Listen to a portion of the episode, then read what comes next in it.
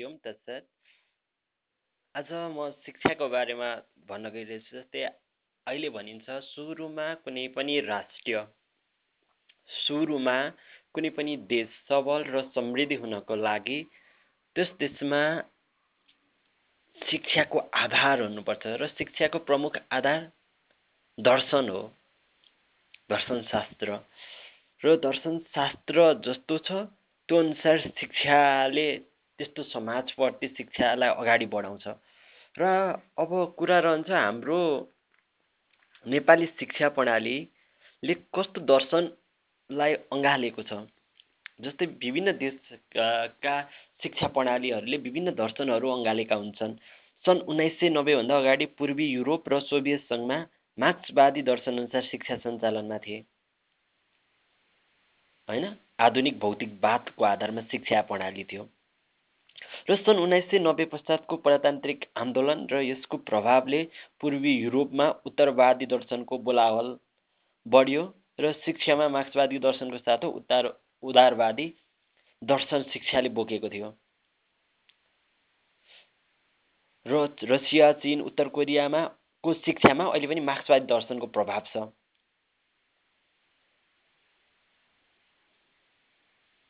र Venezuela Bolivia Cuba Vietnam Laos जस्ता मुलुकमा मार्क्सवादी दर्शनको प्रभाव रहेको छ भने साथसाथै यी मुलुकमा समाजवादी दर्शनको प्रभाव पनि परेको छ।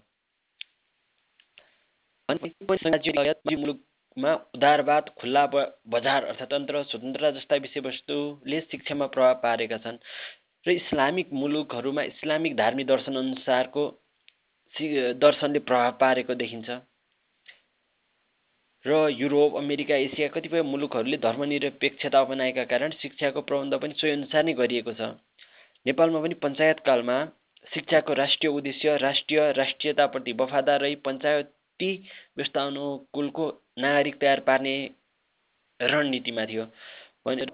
दर्शन अनुसारको शिक्षा प्रदान गर्ने गोन्पा गोन्पा शिक्षा इस्लाम धर्म र दर्शन अनुसारको शिक्षा प्रदान गर्ने मदरसा पूर्वीय वैदिक धर्म र दर्शन अनुसार शिक्षा प्रदान गर्ने गुरुकुल यस्ता छन् भनेपछि तर अब नेपालले कस्तो किसिमको फिलोसफी अथवा दर्शनलाई चाहिँ आधार मानेर अघि बढ्नुपर्छ? पूर्वीय दर्शन उधार उदारतावाद खुल्लापन लोकतन्त्रवाद आदर्शवाद यथार्थवाद प्रकृतिवाद प्रयोजनवाद अब शिक्षा प्रणाली अघि बढ्नुपर्छ। किनभने कुनै पनि शिक्षामा कुनै न कुनै वाद जोडिएको हुन्छ र त्यो वाद अनुसारको क्रिया शैली देशमा आउनुपर्छ र हाम्रो देश एक समाजवादतिर उन्मुख भएको कारणले गर्दा समाजवाद उदारतावाद सबै चिजको मध्य मार्ग हाम्रो देशले अति आवश्यक छ होइन? र अब दर्शनको कुरा गर्ने हो भने विभिन्न दर्शनहरू विशेष छन्। किनभने दर्शनको अर्थ नै हुन्छ कि संस्कृतको दृश्य धातुबाट दर्शन शब्द बनेको जसको अङ्ग्रेजी फिलोसफी हुन्छ। फिलोसको र सोफिया फिलोसको अर्थ हुन्छ स्नेह प्रेम अनुराग र सोफियाको अर्थ हुन्छ ज्ञान। अर्थात् यसको अङ्ग्रेजी भाषामा हेर्ने भने यसको अर्थ हुन्छ love of knowledge and wisdom अथवा ज्ञानप्रतिको चाह मोह। प्रेम होइन? अथवा उष्टमपट्टिको मोह नै दर्शन हो। होइन? दर्शन आज होइन मानिसको सुरुवातसँगै कुनै न कुनै दर्शन बोकेर मानिस यस संसारमा एक्जिस्टेड छ। विभिन्न किसिमका एक्जिस्टेड छ। र दर्शनलाई विभिन्न दार्शनिकहरूले दर्शनविद्यहरूले परिभाषित गरेछन्। सोक्रेट्सले भनेका छन् सत्यलाई माया गर्ने व्यक्ति दार्शनिक हुन्। प्लेटोले भनेका छन् सर्वव्यापी प्राकृतिक वस्तुको ज्ञान वस्तु त प्रकृतिमा भएका विभिन्न वस्तुहरूको सत्य ज्ञान हो र यसैलाई दर्शन भनिन्छ भनेर उनले प्लेटोले भनेका छन्। र एरिस्टोटल अथवा अरस्तुले भन्छन् पारलौकिक वस्तुहरूको वास्तविक प्रकृति पत्ता लगाउने विज्ञान दर्शन हो। हेगलले भन्छन् दर्शनको वास्तविकताको तत्त्व ज्ञान हो भन्छन्। ब्रटान्ड रसेल भन्छन् विज्ञानका आधारहरूको त तार्किक अध्ययन नै दर्शन हो। कौटिल्य भन्छन् दर्शन वा तत्त्व ज्ञानले अरू सबै ज्ञानहरूलाई प्रतित्व गराइन्छ। दर्शनको कार्यक्षेत्र दुईवटा छ थ्योरी अफ रियालिटी अथवा मेटाफिजिक्स। जसलाई तत्त्वमीमांसा भनिन्छ। ब्रह्माण्ड प्रकृति सृष्टि जीवन आत्मा ईश्वर अमरता आदि शाश्वत सदर्शन शाश्वत भनेको सधैँ रहिरहने। हामी नरहँदा पनि यो ब्रह्माण्ड प्रकृति यहाँको सृष्टि यहाँको जीवन आत्मा ईश्वर र अमरता शाश्वत हुन्। र यी शाश्वतको तत्त्वको अध्ययन गर्नेलाई दर्शन भनिन्छ भनेर भनियो। यो चाहिँ थ्योरी अफ रिया रियालिटीको बेसमा अथवा तत्त्वको आधारमा। र ज्ञान मीमांसाको आधारमा भन्ने हो भने यस सिद्धान्तले सृष्टि त्यसको माध्यम प्रमाण प्रकृति वास्तविक अवास्तविक वस्तुहरू सत्य र झुटको प्रकृति वास्तविकता ग्रहण गर्ने कसरी मस्तिष्कको ज्ञान गर्ने र दर्शनको तेस्रो कार्यक्षेत्र हो थ्योरी दुईवटा एक्जियोलोजी र मूल्यको सिद्धान्त होइन? यसरी विभिन्न किसिमका सिद्धान्तहरू आएका छन् र विशेष दुईवटा दर्शन हामी देख्न सक्छौँ एउटा हो आध्यात्मिक दर्शन अर्को भौतिकवाद दर्शन। आध्यात्मिक दर्शन भनेको अनुमान र शब्दलाई मनन गर्ने आन्तरिक आध्यात्मिक जगतमा चिन्तन मनन गर्ने। आन्तरिक र जुन बाह्य जगत बाह्य भौतिक जगतको गरिन्छ त्यसलाई भौतिक दर्शन भनिन्छ। र यसमा दुईवटा दर्शन छ। धेरै मान्छेले भने पूर्वीय दर्शन eastern philosophy and eastern eastern र युग दर्शनमा तपाईँ पूर्वीय दर्शनमा हिन्दू दर्शन बौद्ध दर्शन प्रमुख छन्। र हिन्दू दर्शनले जग हिन्दू दर्शनमा पनि आस्तिक दर्शन होइन? र अर्को भनेको मध्यमार्गी दर्शन छ। आस्तिक दर्शनमा न्याय दर्शन छ। वैशे वैशेखिक दर्शन छ वेदान्त दर्शन छ मीमांसा दर्शन छ साङ्ख्य दर्शन छ योग दर्शन छ। न्याय दर्शनमा न्याय दर्शनमा हाम्रो पाँच इन्द्रिय आँखा नाक कान जिब्रो छाला र त्यस मनले नै प्रत्यक्ष अनुभव गरेका चिजहरू यथार्थवादी दर्शन पनि भन्छ यसलाई। होइन? तपाईँको पाँचवटा इन्द्रिय आँखा नाक जीव छाला र मनले के अनुभव गर्नु छ त्यही सत्य हो। जसमा मृ जसमा आत्मा नित्य छ चेतना नि नित्य आत्मा नित्य छ तर चेतना नित्य छैन भन्ने मानिन्छ। ईश्वर सृष्टिको सर्जक पालक र लक्ष्य त्यसरी हामीले हेर्नु संसार सुखमय छ र जीवनलाई सुखमय बनाउन ईश्वर प्राप्त गर्नुपर्छ भन्ने न्याय दर्शनको लक्ष्य हो। र अर्को वैश्विक दर्शन छ र यो यसको परिणाम महर्षि कणाद हुन्। र उनले यसमा दुईवटा छ। एउटा हामीले प्रत्यक्ष देख्ने र अनुमान पनि गर्न सकिन्छ। अनुमानको आधारमा पनि हामीले थाहा पाउन सक्छौँ भनेर उनले अनुमानलाई पनि यहाँ जोडेका छन्। र वेदान्त दर्शन वेदान्त दर्शनमा पनि जैमिनी ऋषिको पूर्व मीमांसा र व्यास ऋषिको उत्तर मीमांसा दर्शन दुईवटा बोकेको छ उपनिषदको आधारित छ अनेकतामा एकता नै सत्य हो भन्ने सिद्धान्त छ ब्रह्म नै ब्रह्म बाहेक अरू सत्य छैन। हामी सबै आनन्द त्यो ब्रह्म आनन्दको पछि छौँ संसारमा विभिन्न नाना थरी मिथ्या भइरहन्छ। भने र यो चिजहरू नै वेदान्त दर्शनको स्वरूप हो र ब्रह्म परमात्मा भगवान् एकै हुन् भन्ने वेदान्त दर्शन हो। मीमांसा दर्शन चाहिँ कर्म सम्बन्धी सम्बन्धित छ। सुख परिवर्तनशील छ र हामी भौतिक जगतमा सुख चाहन्छौँ भने कर्म गर्नुपर्छ भन्ने छ। साङ्ख्य दर्शन महर्षि कपिल मुनिले प्रतिपादन गरेको साङ्ख्य दर्शन हो। प्रत्यक्ष अनुमान र शब्दलाई प्रमाण मान्छ यसले। र यहाँ प्रकृति र पुरुष दुवैलाई नित्य मान्छ यो प्रकृति र त्यसलाई भोग्ने भोक्ताहरूलाई दुइटैलाई एक मानेर सत्व र तिन किसिमका क्याक्रिस्टिक होइन? गुड इभिल एन्ड बिचको होइन? सत्य रजतम गुड ब्याड न्युट्रल तिन किसिमको कुराहरू। योग दर्शन छ। योग दर्शन पतञ्जली महर्षि पतञ्जलीद्वारा प्रतिपादित यम नियम आसन प्राणायाम प्रत्याहार धारणा ध्यान समाधि अष्टाङ्ग योग अहिले सबैभन्दा राम्रो यही छ।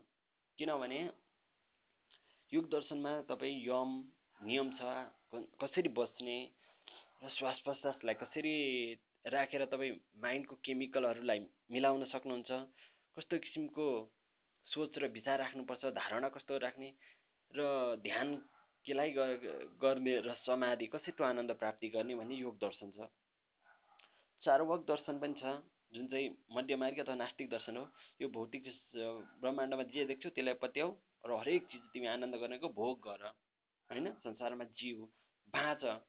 संसारमा म नमर। यसको अर्थ यो हो कि तर धेरैले चारवक दर्शनलाई चाहिँ नेगेटिभ तरिकाले व्याख्या गर्छन्। तर त्यस्तो होइन कि चारवक दर्शन पनि राम्रो छ। किनभने मान्छे जन्मिएपछि मर्नुपर्छ। शारीरिक रूपमा मर्छ भने उसले बाँचुन्जेल त्यो आनन्द प्राप्ति गर्नुपर्छ आफू जीवित भएको अनुभव गर्नुपर्छ। त्यो चाहिँ हो यसको प्रमुख लक्ष्य। त्यसरी हामीले हेर्नुपर्छ। जैन दर्शन छ ऋषभदेव र महावीर प्रतिपादन भएको जहाँ आत्मा र परमात्माले एउटै मानिन्छ। हामी शुद्ध हुन के गर्ने? सम्यक ज्ञान सम्यक चरित्र सम्यक दर्शनको सहारा लिएर हामीले त्यो आफूलाई मोक्षमा पुर्याउन सक्नुपर्छ भन्ने मान्यता राख्छ। बौद्ध दर्शन छ गौतम बुद्ध लुम्बिनीमा जन्मभएका आदरणीय गौतम बुद्ध द्वारा प्रतिपादित चार आर्य सत्य संसारमा दुःख छ दुःखको कारण छ दुःख शान्त छ दुःख निवारण उपाय छ यो उहाँको दर्शन हो। र अष्टाङ्ग मार्ग पनि छ उहाँ। हाम्रो दृष्टि सत्य हुनुपर्छ हामीले सङ्कल्प सत्य चिजको सङ्कल्प गर्नुपर्छ हाम्रो वाक्य सम्यक वाक्य बाँडी हुनुपर्छ हाम्रो कर्म सम्यक हुनुपर्छ सम्यक आजीव हाम्रो जीवन जीविका पार्न सम्यक हुनुपर्छ सत्य हुनुपर्छ सम्यक व्यायाम हामीले व्यायाम जस्तो पनि गर्न सक्छौँ तर हामीले सही सही किसिमको व्यायाम अथवा योग पद्धति पर्छ र सम्यक स्मृति। हामीले राम्रो चिजको र गुणस्तर चिजको स्मृति गर्नुपर्छ स्मरण गर्नुपर्छ र सम्यक समाधि। हामीले राम्रो चिज प्राप्त गर्नको लागि सम्यक समाधि मोक्षता र त्यो आनन्द प्राप्तिपट्टि लाग्नुपर्छ र पञ्चशीलहरू यसका आधार छन्। पछि र यो पूर्वीय दर्शनको आधारमा विभिन्न शिक्षा प्रणालीले अपनाएका छन्। त्यो बुद्ध दर्शनलाई र हिन्दूको त्यो फिलोसफीका विभिन्न दार्शनिक फिलोसफीको आधार मानेर शिक्षा पद्धति गुरुकुल र विभिन्न चैत्य गुम्बाहरूमा यसरी नै शिक्षा प्रणाली अगाडि बढिरहेको छ।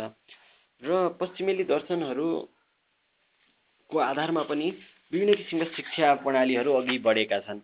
त्यही भएर आज कुन किसिमको कुन किसिमको फिलोसफीलाई लिएर चाहिँ शिक्षा प्रणाली अघि बढाउने र हामी एकदम खुसी र आनन्दित र हामी आफूलाई नै चिनेर हुन्छौँ र आफूलाई चिन्न र यो संसारमा सकारात्मकता र पोजिटिभनेस ऊर्जावान क्रियाशील सम्मान र कस्तो किसिमको विचारधारा अनुसार अगाडि बढ्ने भन्ने कुरा आजको आवश्यकता हो। विभिन्न सुक्रेटस प्लेटो पाइथागोरस हिराक्लिटस होइन? यस्ता प्राचीनले आफ्ना दर्शनशास्त्रहरूको प्रभाव राखेका छन् पश्चिमी दर्शनहरूमा। त्यस्तै सेन्ट अगनेस्ट होइन? र वैज्ञानिक दृष्टिकोणको सुरुवात पनि भएको छ र अहिले पदार्थ र मस्तिष्कलाई अलग अलग तत्त्व मान मानिएको छ। एउटा पदार्थ र हाम्रो माइन्ड यो दुईवटा त्यही समय अनुभववादी दर्शनको विकास भएको छ। जर्न John Locke Rousseau Hegel Karl Marx Darwin Nietzsche Sigmund Freud जस्ता दार्शनिकहरूले पश्चिमी दर्शनमा ठुलो योगदान गरेका छन् र त्यहाँको शिक्षा प्रणालीले र त्यहाँको राजनीतिले पनि यस्तै दर्शनहरूलाई पक्रेर हिँडेको छ। तर अब हामी आज जाग्नु परेछ कि हामीले कस्तो दर्शन चाहिँ अबको समृद्धिको लागि आवश्यकता छ? त्यो दर्शन हामीले बोक्नुपर्छ हामीलाई आदर्शवाद अथवा प्रकृतिवाद यथार्थवाद प्रगतिवाद अस्तित्ववाद विसङ्गतिवाद कस्ता चाहिँ आवश्यक छन्? त्यो कुरालाई हामी बोकेर अगाडि बढ्नुपर्ने हुन्छ। त्यो शिक्षामा शिक्षाले त्यस्ता वादहरूलाई बोकेको हुन्छ। अब म आज पश्चिमी दर्शनहरूको बारेमा केही कुरा गर्नेछु। यो यो किन आवश्यक छ भने भने किनभने त्यतिखेरका विद्वान वर्गहरूले जुन किसिमको अध्ययन गरेका छन् उनीहरूले कस्तो शिक्षा प्रणाली भयो भने चाहिँ हामी किनभने दर्शनकै अर्थ हो हामी सत्यतातिर जानु हामी आनन्दपट्टि जानु होइन? अघि नै पनि मैले यसको परिभाषामै पनि भनिसकेको थिएँ। त्यही भएर हामी चाहिँ आफूलाई खुसी आफूलाई आनन्दित र समाजलाई व्यवस्थित र समृद्धि राख्दै भोलि हाम्रा पुर्खाहरू हाम्रा सन्ततिहरू हामी पुर्खाले छोडेर गएको र हाम्रा सन्ततिहरूलाई हामीले कस्तो वातावरण दिलाउने र यो पृथ्वीलाई कसरी सिँगार्ने यो भौतिक ब्रह्माण्ड र आध्यात्मिक ब्रह्माण्ड कसरी सम समूह समान राख्ने कसरी भाइचारा गाँच्ने त्यसको आधारमा दर्शनशास्त्र छन् आदर्शवादी दर्शनको प्रमुख अर्थ नै हो सत्यम शिवम सुन्दरम। यसलाई भोकेको हुन्छ आदर्शवादी दर्शनले। अथवा सत्यम भनेको ट्रुथ शिवम भनेको गुडनेस सुन्दरम भनेको ब्युटी हाम्रो विचार विचार हाम्रो विचार विशेषतामा सत्य छ र त्यसले गुडनेस सबैलाई फाइदा गर्छ र ब्युटी यो प्रकृतिलाई नि राम्रो लाग्छ भने त्यो दर्शनलाई आदर्शवादी दर्शन भन्छ। सत्य चाहिँ सत्य हो जुन भूत वर्तमान भविष्यमा यथावत रहने पक्ष हो। शिव भनेको चित्त हो अथवा चेतना हो। होइन? मन मनभन्दा पर बुद्धि बुद्धिभन्दा पर चेतना हुन्छ र त्यो चेतना ईश्वरीय शक्ति हो चैतन्य हो आत्मा हो शिवम हो र सुन्दर भनेको आनन्द हो सुख हो।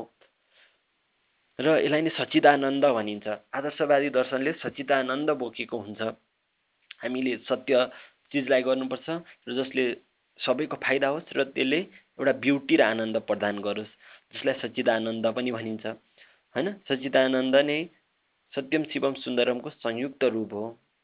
सत्यम शिवम सुन्दरम तिनवटा चाहिँ यसलाई नै एकैचोटि भन्नु पर्यो भने सच्चिदानन्द भनिन्छ। आदर्शवादी दर्शनले सच्चिदानन्द सचित र आनन्दलाई बोकेको हुन्छ। ट्रुथ गुडनेस र ब्युटीलाई बोकेको हुन्छ। जसको जसलाई सुक्रेटस प्लेटो अरस्तु हेगेल जस्ता दार्शनिकहरूले यसको प्रचारक गर्नुभएको थियो। शिक्षा प्रणालीले चाहिँ सत्यम शिवम सुन्दरम र सचिदानन्दलाई बोकेको हुनुपर्छ भन्नुहुन्थ्यो। र यो दर्शन राम्रो दर्शन छ र अर्को दर्शन छ दर्शन जसलाई अणुवाद पनि भन्छ। एटोम एटोमिजम एटोमिजममा आधारित छ। प्राणी के हो मानव के हो मानवको काम के हो खोज्दै जाँदा अणुबाट नै प्रकृतिवादको परिणत भएको मान्यो। एटमबाटै सम्पूर्ण चिज बनेको छ होइन? र प्र प्रकृतिबाटै सबै चिज बनेको रहेछ त्यो प्रकृति एटमबाटै हामी बनेका छौँ भनेपछि अब यो प्रकृतिवाद दर्शन चाहिँ आएको हो र यसलाई हामीले वफादार हुनुपर्छ। हामी सबै एउटै चिजले बनेको हो त्यही भएर हामीले अरूलाई सम्मान गर्नुपर्छ। यो वादले त्यस्ता चिज बोकेको हुन्छ। र यस प्रकृतिवाद दर्शनमा अरिस्टोटल डार्विन जिन्ज्याक आदिले प्रकृतिवादलाई फैलाउने काम गर्नुभएको छ। र यथार्थवादी अघि मैले आदर्शवादी दर्शनमा सच्चिदानन्द भनेको थिएँ प्रकृतिवादमा एटमवाद अणुवाद होइन? र यथार्थवादी दर्शन सोह्रौँ सत्रौँ शताब्दीमा पश्चिम मुलुकमा आएको दर्शन हो र वैज्ञानिक आविष्कार भए पछाडिको यो यथार्थवादी दर्शन जन्मियो। र यसले अध्यात्मवादलाई मान्दैन। यसले चाहिँ हेर प्रयोग गर र परीक्षण गर अनि मात्र पत्याउ भन्छ होइन? यो जे यसले परलौकिक पक्षलाई जनाउँदैन। त्यही भएर यसमा चाहिँ कति चिजहरू चाहिँ के छ भन्दाखेरि हामीले नदेख्ने चिजहरू प्रेम माया विश्वास छ नि त? त्यसमा चाहिँ यो अलिकति फेल खान जान्छ। तर यो यसको राम्रो पक्ष भनेको यसले यथार्थलाई मान्ने भएको कारणले यो चाहिँ व्यवहारिक छ। होइन? जसमा वैज्ञानिक सोचहरू छन् यी यी विचारधारा पनि छन् जहाँ मनोवैज्ञानिक विज्ञान छ भौतिक विज्ञान छ भौतिकवाद छ जसमा न्युटन डार्विन कालमा सिग्न फ्राइड यथार्थवादी दार्शनिक हुन्। जे यथार्थ छ त्यसलाई पत्याउने हो होइन? र यसको फाइदा के छ भन्दाखेरि हामीले पहिले अरू वादले निकालेको रूढिवादी हुन्छ नि त्यसलाई यसले हटाउँछ।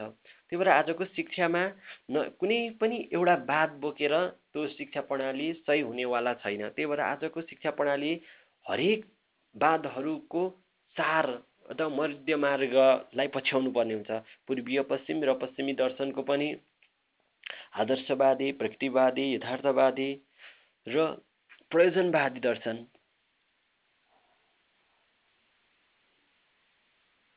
प्रयोजनवादी भनेको हामीले अभ्यास गर्ने व्यवहारमा लागू गर्ने होइन? कुनै विचारलाई प्रयोग गर्दै जाने प्रयोजन प्रयोगवाद पनि भन्छ यसलाई। मानववाद उजारवाद प्रगतिवाद पनि भनिन्छ यसलाई। जे प्रयोगमा आउँछ त्यसलाई अँगाल्दै जाने हो। हिजोको कुराले समस्या ल्याउँछ भने त्यसलाई छोड्नुपर्छ। प्रयोजन गर्ने आज प्रयोगात्मकवाद भनिन्छ होइन? मानववाद। आज मा सबै मान्छे त्यतिखेर राष्ट्रियवाद चाहिन्थ्यो भने अहिले सबै एक हुनुपर्छ मानवतावाद। जे छ त्यसलाई पछ्याउँदै हिँड्नुपर्छ भन्ने चिज हो यो।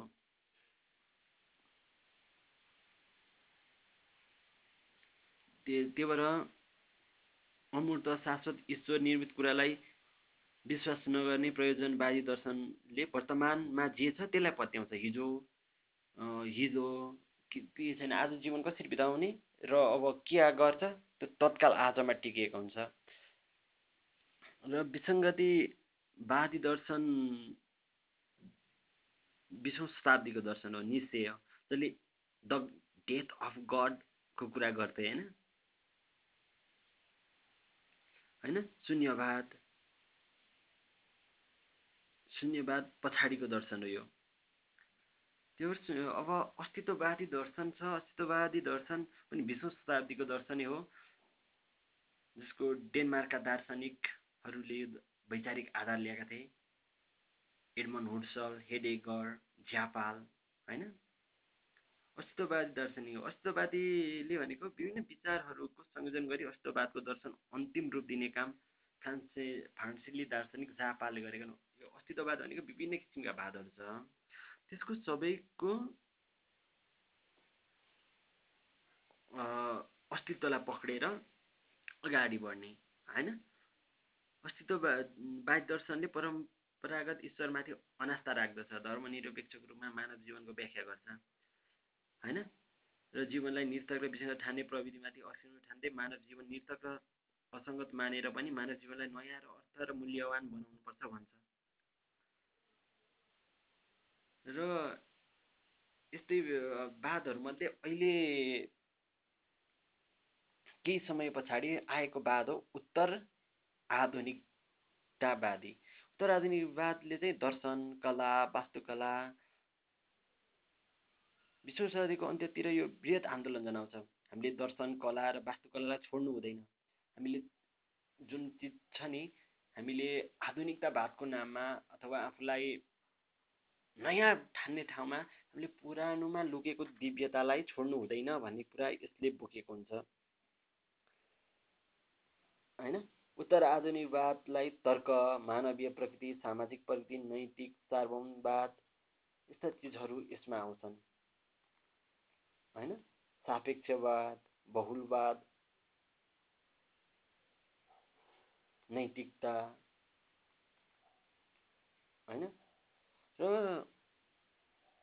उत्तराधुनिकवादले संस्कृतिको समालोचनात्मक व्याख्या गर्छ। साहित्य कला दर्शन इतिहास भाषा विज्ञान अर्थशास्त्र वास्तुकला फिक्सन काल्पनिक कहानीहरूको पनि आवश्यक छ। नारीवादी सिद्धान्त साहित्यिक समालोचना सबै उत्तर आधुनिकवादमा आउँछ। यसलाई छोड्नु हुँदैन यसलाई पनि पक्रेर जानुपर्छ। भाषा विज्ञान पनि हुन्छ अर्थ विज्ञान हुन्छ इतिहास हुन्छ काल्पनिक कहानी पनि आवश्यक छ भन्छ यसले। फेड्रिक जेम्स जस्ता दार्शनिकहरूले यो कुरा उठाएका थिए। होइन? त्यही भएर यस्ता विभिन्न वादहरूलाई बोकेर शिक्षा प्रणाली अघि बढेको हुन्छ। त्यही भएर शिक्षा प्रणालीले आजको शिक्षा प्रणालीलाई कस्तो किसिमको वादमा आधारित हुन्छ भनेर हामी अगाडि बढ्नुपर्ने हुन्छ। हामी कुनै पनि एउटा वादलाई लिएर अगाडि बढ्न सक्दिनौँ जस्तै उत्तर आधुनिकवादलाई मात्र लिएर पनि अगाडि बढ्न सकिँदैन। होइन?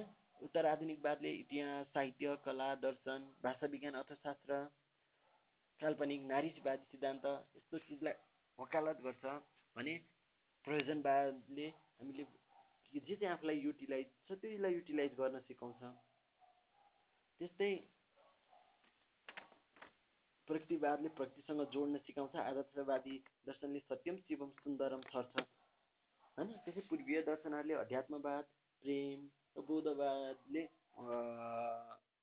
मध्यमार्गी मार्ग छोड्छ भनेपछि आज नेपालको लागि हामी युवाले आध्यात्मिक प्रेम आफूलाई चिन्न खोजिरहेछौँ देशलाई विकास गर्न खोजिरहेछौँ भने नेपालको भूमि अनुरूपको दर्शन हामीले बोक्नुपर्छ।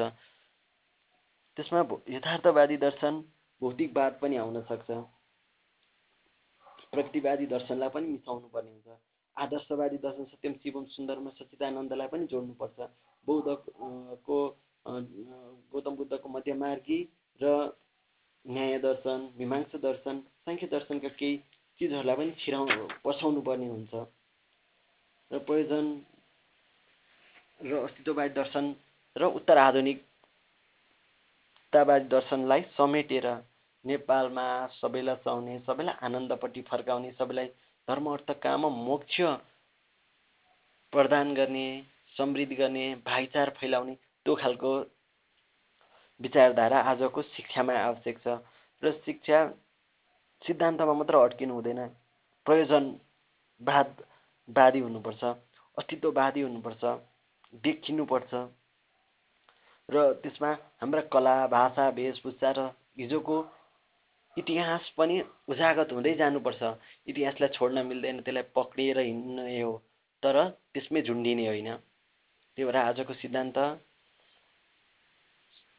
समाजवादतिर उन्मुख र प्रकृतिवादपट्टि उन्मुख मानव र अध्यात्म चिन्तन र कन्सियसनेसतिर उन्मुख प्रेम र शान्ति र समृद्धिको बोध गराउने। सबैमा एकता छर्ने सबैमा समृद्धि भाइचार प्रेम मिलन होइन आफैमाथिको सह अस्तित्व यस्तो चिजहरूलाई बोकेको हाम्रो शिक्षा प्रणाली हुनुपर्छ र पहिलो कुरो शिक्षामा परिवर्तन ल्याउनुपर्छ। हाम्रो शिक्षा हाम्रो शिक्षा व्यवहारिक हुनुपर्छ। व्यवहार उन्मुख शिक्षाको अति आवश्यक छ।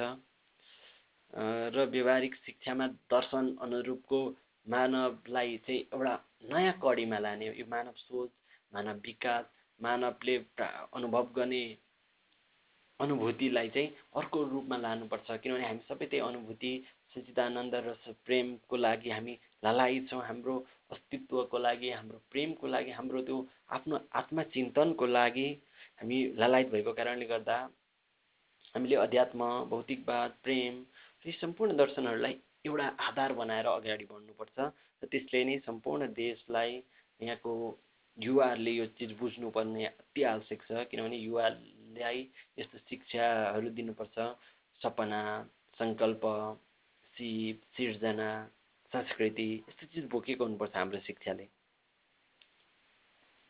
हाम्रो शिक्षाले सबैको समायोजन सबैको आधारलाई बोकेको हुनुपर्छ र यस्तो शिक्षाले नै हामीलाई अगाडि बढाउँछ। यो आजको जुन यो मेरो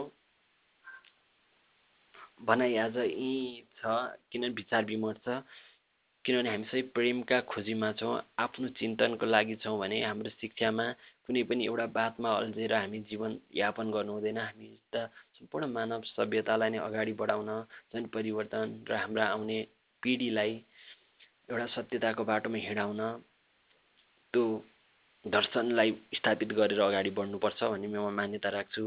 राष्ट्रियता सामाजिक आर्थिक स्वतन्त्रता होइन? अनि अचिन्त्य इको सोसियलिजम र आध्यात्मिक प्रेम। यो यति सार तत्त्व चाहिँ अहिलेको दर्शनले बोकेको हुनुपर्छ र यसको आधारमा शिक्षा प्रणाली बनिनुपर्छ त्यसको आधारमा हाम्रो कार्यशैली राजनीति शैली हुनुपर्छ भन्ने मलाई लाग्छ। हरि ओम तत्सत